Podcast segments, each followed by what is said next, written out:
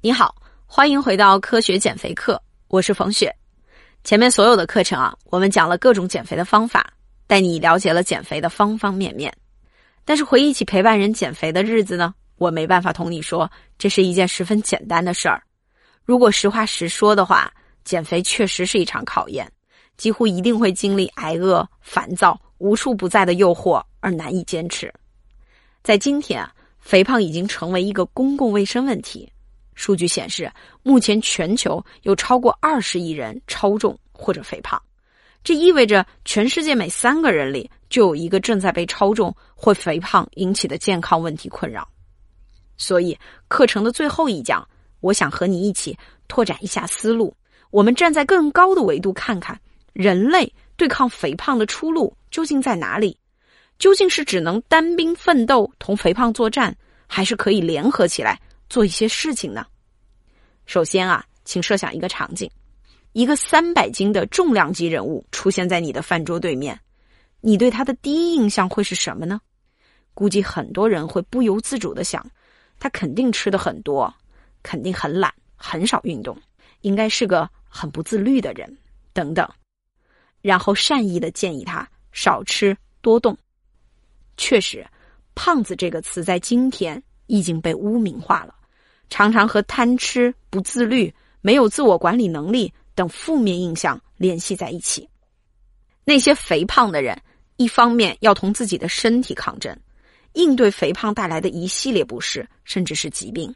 另一方面，又要应对来自周围人的压力，忍受不自律这样的负面非议。很少有人思考过，肥胖真的完全是个人问题吗？真的就是因为个人不自律、不会管理吗？只要稍微分析一下，你就会明白，事情远没有那么简单。首先，从生物演化的角度来说，肥胖可能是根植于人类基因之中的，在漫长的演化历史中。人类祖先习惯的都是奔波狩猎或者采集野果，这种吃了上顿没下顿的日子，要想生存下去，就得想尽一切办法囤积能量，以备不时之需。现在你知道为什么我们看到冰淇淋、蛋糕这些能量炸弹就走不动道了吧？在过去，这当然是个生存优势，让我们的祖先熬过饥饿，扛过饥荒。但是在能量过剩的今天，这个生存优势啊，马上变成了一个大坑。明明不需要那么多能量，但千百万年的进化结果还是让我们的身体把多余的能量囤积起来，胖子可不就越来越多吗？其次，商业社会在满足人们需求的同时，也在客观上加剧了肥胖问题。只要抬眼看看大小饭店里的灯红酒绿，超市里琳琅满目的零食，方便到动动手指就能下单的外卖平台，你就会知道我们为健康而行动的能力有多脆弱。同时啊，大量的研究发现，反复接触一种食物的味道会让人们更喜欢它，吃的更多。医学上管这种现象叫食物偏好。我们都喜欢家乡的味道。妈妈做的饭菜就是这个原理，就是这种食物偏好导致了一种恶性循环。千百万年的进化结果使我们喜欢高油高糖的食物，商家为了赚钱就会迎合人们的口味，生产这种超级加工食品，而长期接触这些不健康的食品，又会改变人们的饮食偏好，让人们更喜欢这种味道，这就又刺激了商家生产更多。如此循环，把越来越多的人卷进了肥胖的泥潭。明白了吗？肥胖压根儿不是一个人的事情，而是人类长期进化的产物。进入现代社会，工业化带来的能量过剩和商业环境对人们的行为诱导，又让这个问题更加突出。就在二零二零年的三月初，一个由三十六位国际专家组成的多学科小组。在全球顶级的科学杂志《Nature》上发表了消除肥胖歧视的科学声明。他们认为，只有消除偏见，产生新的公共认知，才可能缓解全球肥胖的问题。既然肥胖是一种公共卫生问题，我们个人能做些什么呢？在过去啊，减肥确实不是一个大共识，甚至很多人还以为胖是富态，是身份的象征。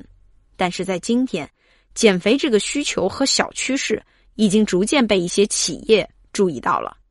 外卖平台上专门卖减肥餐的店铺越来越多，超市饮料柜里不含糖、没有热量的饮料常常放在显眼的位置。连得到之前给员工订餐的时候，都会告诉餐厅，每天中午务必提供两个少油少盐的菜。确实，个人的力量很弱小，我们不可能直接改变整个社会环境，但是可以换个角度看这个问题。刚才说到，逐利的商业环境是我们减肥路上的绊脚石，如果被他利用，就会陷入越来越胖的深渊，任他摆布。但反过来，我们能不能利用商家逐利的特点去改造它，让它为我们服务呢？这可不是一句空话。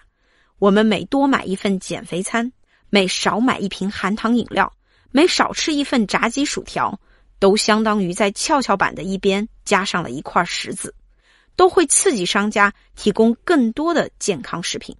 久而久之，当我们都行动起来，随着加入的石子越来越多，跷跷板的位置。就会反转，所以啊，每个人都可以为解决肥胖这个公共卫生问题贡献一份力量。我们每一次点餐、每一次购物、每一次消费，都是在做一件不一样的事情，都是在为这个大环境注入自己的力量。当然，除了个人之外，整个社会、整个公共卫生系统也能发挥更大的作用。目前，社会已经意识到肥胖的危害。把肥胖定义为一种疾病了，紧接着的改进行动应该都已经在路上了。从这个方面讲，政府、学校和减肥机构都有很大的空间。首先是政府，各国政府可以通过制定国家政策对抗肥胖。比如啊，萨摩亚是世界上超重和肥胖发病率最高的国家之一，百分之八十五的萨摩亚人都深受肥胖的危害。于是，萨摩亚政府就禁止进口火鸡屁股，让老百姓少吃这种高热量食物。土耳其的老百姓也很喜欢火鸡屁股，土耳其政府就对进口火鸡尾征收高额关税。中国也和很多国家一样，都采取了一种非常有效的手段——食品标签。你会发现，从二零一三年开始，我们国家就强制要求所有的成品包装食物。标明营养物质比例和配料成分，这在很大程度上也能帮我们正确的选择食物。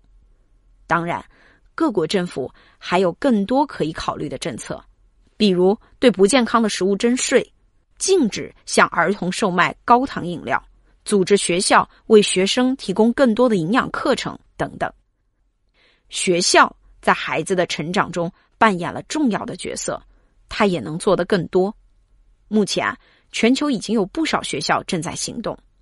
在《助推》这本书里，就有一个有趣的实验：学校只是把食堂橱窗里甜点的位置从和视线齐平的高度换到了弯腰才能拿到的地方，就会大大减少学生吃甜点的几率。你看，这就是一个简单而有效的改变。学校里更多的改变肯定会在不远的将来发生。未来。